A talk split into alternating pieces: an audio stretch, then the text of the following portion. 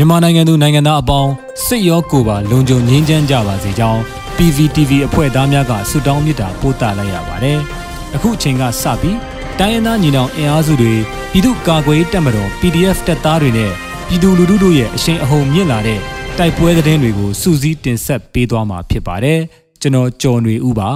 ။ပထမဆုံးတင်ဆက်မှာကတော့ ဝက်လက်မှာနှစ်ရက်တာတိုက်ပွဲအတွင်းစစ်ကောင်စီဘက်မှ40ဦးကျော်တေဆုံးပြီးတဲ့နောက်စစ်ရဟတ်ရင်နှစ်စီးဖြင့်ပစ်ခတ်ချိန်မှာ PDF ရဲဘော်တအူကြာဆုံးခဲ့တဲ့တဲ့တင်ပါ။စကိုင်းတိုင်းဝက်လက်မြို့နယ်မှာနှစ်ရက်တာတိုက်ပွဲအတွင်းစစ်ကောင်စီဘက်က40ဦးကျော်ကြာဆုံးပြီးတဲ့နောက်စစ်ရဟတ်ရင်နှစ်စီးဖြင့်လာရောက်ပစ်ခတ်ပြီးရဟတ်ရင်ဖြင့်ပစ်ခတ်မှုကြောင့် PDF ရဲဘော်တအူကြာဆုံးကြောင်းဝက်လက်ပြည်သူ့ကာကွယ်တပ်ဖွဲ့တပ်ရင်းနှစ်ကသတင်းထုတ်ပြန်ပါတယ်။ ဒီဇင်ဘာလ31ရက်နေ့မွန်းလွဲ2နာရီကျော်မှာဝက်လက်မြို့နယ်အရှိချမ်းဖျားလေးကုန်းကြေးရွာတွင်တက်ဆွဲထားတဲ့စစ်ကောင်စီအင်အား80ခန့်နဲ့ PDF တပ်များအကြားအပြန်အလှန်ပစ်ခတ်မှုဖြစ်ပွားခဲ့ရာညနေ4နာရီမှာတိုက်ပွဲပြီးဆုံးခဲ့ကြောင်းအဆိုပါတိုက်ပွဲမှာစစ်ကောင်စီတပ်ဖက်က12ဦးခန့်တေဆုံးကြောင်းသိရှိရတာပါဇန်နဝါရီလ1ရက်နေ့နနက်6နာရီမှစပြီးစစ်တပ်ကဖျားလေးကုန်းကြေးရွာရှိနေအိမ်များကိုလှည့်လည်မီးရှို့ကြောင်းနနက်7နာရီခန့်မှာ PDF ပူးပေါင်းတပ်ဖွဲ့များကစစ်တပ်ကိုဝင်ရောက်ပစ်ခတ်ခဲ့ရာ ညနေ9နာရီအထိတိုက်ပွဲပြင်းထန်ကြောင်းရင်းနောက်စစ်တပ်အင်အား30ခန့်ကရွာအရှိဘက်သို့ထွက်ပြေးရာ PDF ကလိုက်လံရှင်းလင်းစဉ် MI35 စစ်တိုက်ရဟတ်ယာဉ်နှစ်စီးဖြင့် PDF တပ်များကိုမိနစ်30ခန့်ပစ်ခတ်ဘုံကျဲကြောင်းသိရှိရပါတယ်။စစ်ဟတ်ယာဉ်နှစ်စီးဖြင့်တက်ကူပစ်ခတ်သဖြင့်ထွက်ပြေးသွားတဲ့စစ်တပ်အင်အား30ခန့်လွတ်မြောက်သွားကြောင်းတိုက်ပွဲနှစ်ရက်တာအတွင်းစစ်ကောင်စီဘက်က40ခန့်တေဆုံးပြီး PDF ရဲဘော်တအူလေးချောင်းပစ်ခတ်မှုကြောင့်ကြာဆုံးခဲ့ရကြောင်းဝက်လက်ပြည်သူ့ကာကွယ်တပ်ဖွဲ့ကသတင်းထုတ်ပြန်ပါတယ်။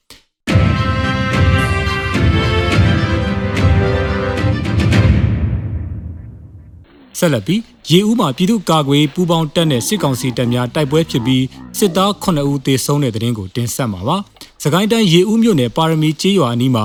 ယနေ့ဇန်နဝါရီလ2ရက်နေ့ ပြည်သူ့ကာကွယ်ရေးတပ်ဖွဲ့နဲ့စစ်ကောင်စီတပ်များတိုက်ပွဲဖြစ်ပြီးစစ်ကောင်စီဘက်မှစစ်သား9ဦးသေဆုံးကြောင်းဒေသကာကွယ်ရေးတပ်ဖွဲ့မှတာဝန်ရှိသူတို့ကရန်ကုန်ခေတ်သစ်သတင်းဌာနသို့ပြောဆိုပါရယ်။အဆိုပါတိုက်ပွဲဟာယနေ့နနက်10:20မိနစ်အချိန်မှာဖြစ်ပွားခြင်းဖြစ်ပြီးပြည်သူ့ကာကွယ်ရေးတပ်ဖွဲ့ကခုခံစစ်အခိုင်အမာပြုလုပ်နိုင်ခဲ့ကြောင်းစစ်ကောင်စီတပ်ဖွဲ့ဝင်9ဦးသေဆုံးကြောင်းသိရှိရပါတယ်။လက်ရှိမှာစစ်ကောင်စီတပ်များဟာတိုက်ပွဲဖြစ်ပွားရာပတ်ဝန်းကျင်မှကြေးရွာများသို့ဝင်ရောက်စီးနင်းမှုများဖျက်ဆီးမှုများလှုပ်ဆောင်နေပါတယ်။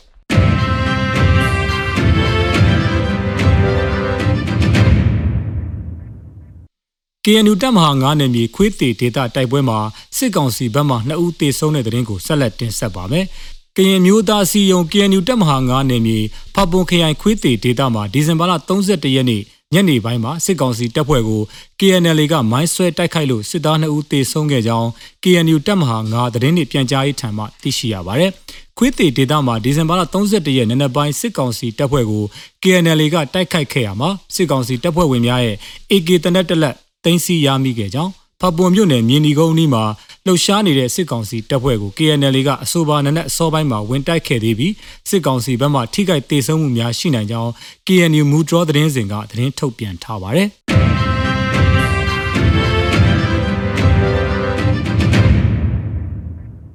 နောက်ဆုံးအနေနဲ့အမျိုးသားညီညွတ်ရေးအစိုးရပြည်ထရေးနဲ့လူဝင်မှုကြီးကြပ်ရေးဝန်ကြီးဌာနက2022ခုနှစ်ဇန်နဝါရီလ2ရက်ရက်စွဲနဲ့ထုတ်ပြန်တဲ့ ပြည်သူ့ခုခံတော်လှန်စစ်တရင်အချက်လက်တွေကိုတင်ဆက်ပေးသွားမှာပါ။အာနာသိန်းအကျန်းဖတ်စီအုပ်စုရဲ့ပြည်သူလူထုအပေါ်အကျန်းဖတ်ဖိနှိပ်ဖန်ဆီးတိုက်ခိုက်တပ်ဖြတ်နေမှုများကိုပြည်သူလူထုတရက်လုံးကအသက်ရှင်တန်ရေးအတွက်မိမိကိုယ်ကိုမိမိခုခံကာကွယ်ပိုင်ခွင့်အရာပြည်သူခုခံစစ် People's Defensive War ကိုဆင်နွှဲလျက်ရှိပါတယ်။တရင်အချက်လက်များအရတရက်တလ2022ရက်နေ့မှာစစ်ကောင်စီတပ်ဖွဲ့ဝင်63ဦးသေဆုံးပြီးထိခိုက်ဒဏ်ရာရရှိသူ32ဦးအထိခုခံတိုက်ခိုက်နိုင်ခဲ့ပါတယ်။ စစ်အာဏာရှင်စနစ်မြမအမျိုးပေါ်ကအပြည့်တိုင်ချုပ်ငင်းရေးနဲ့ Federal Democracy တိဆောက်ရေးအတွက်ငြင်းချမ်းစွာဆန္ဒပြတဲ့လူထုတပိတ်တိုက်ပွဲများကပြည်내နဲ့တိုင်းဒေသကြီးများမှာဆက်လက်ဖြစ်ပွားပေါ်ပေါက်လျက်ရှိပါတယ်။မြေပြင်မှာတော့ယခုတွေ့ရတဲ့သတင်းအချက်အလက်များထက်ပို၍ဖြစ်ပွားနိုင်ပါတယ်ခင်ဗျာ။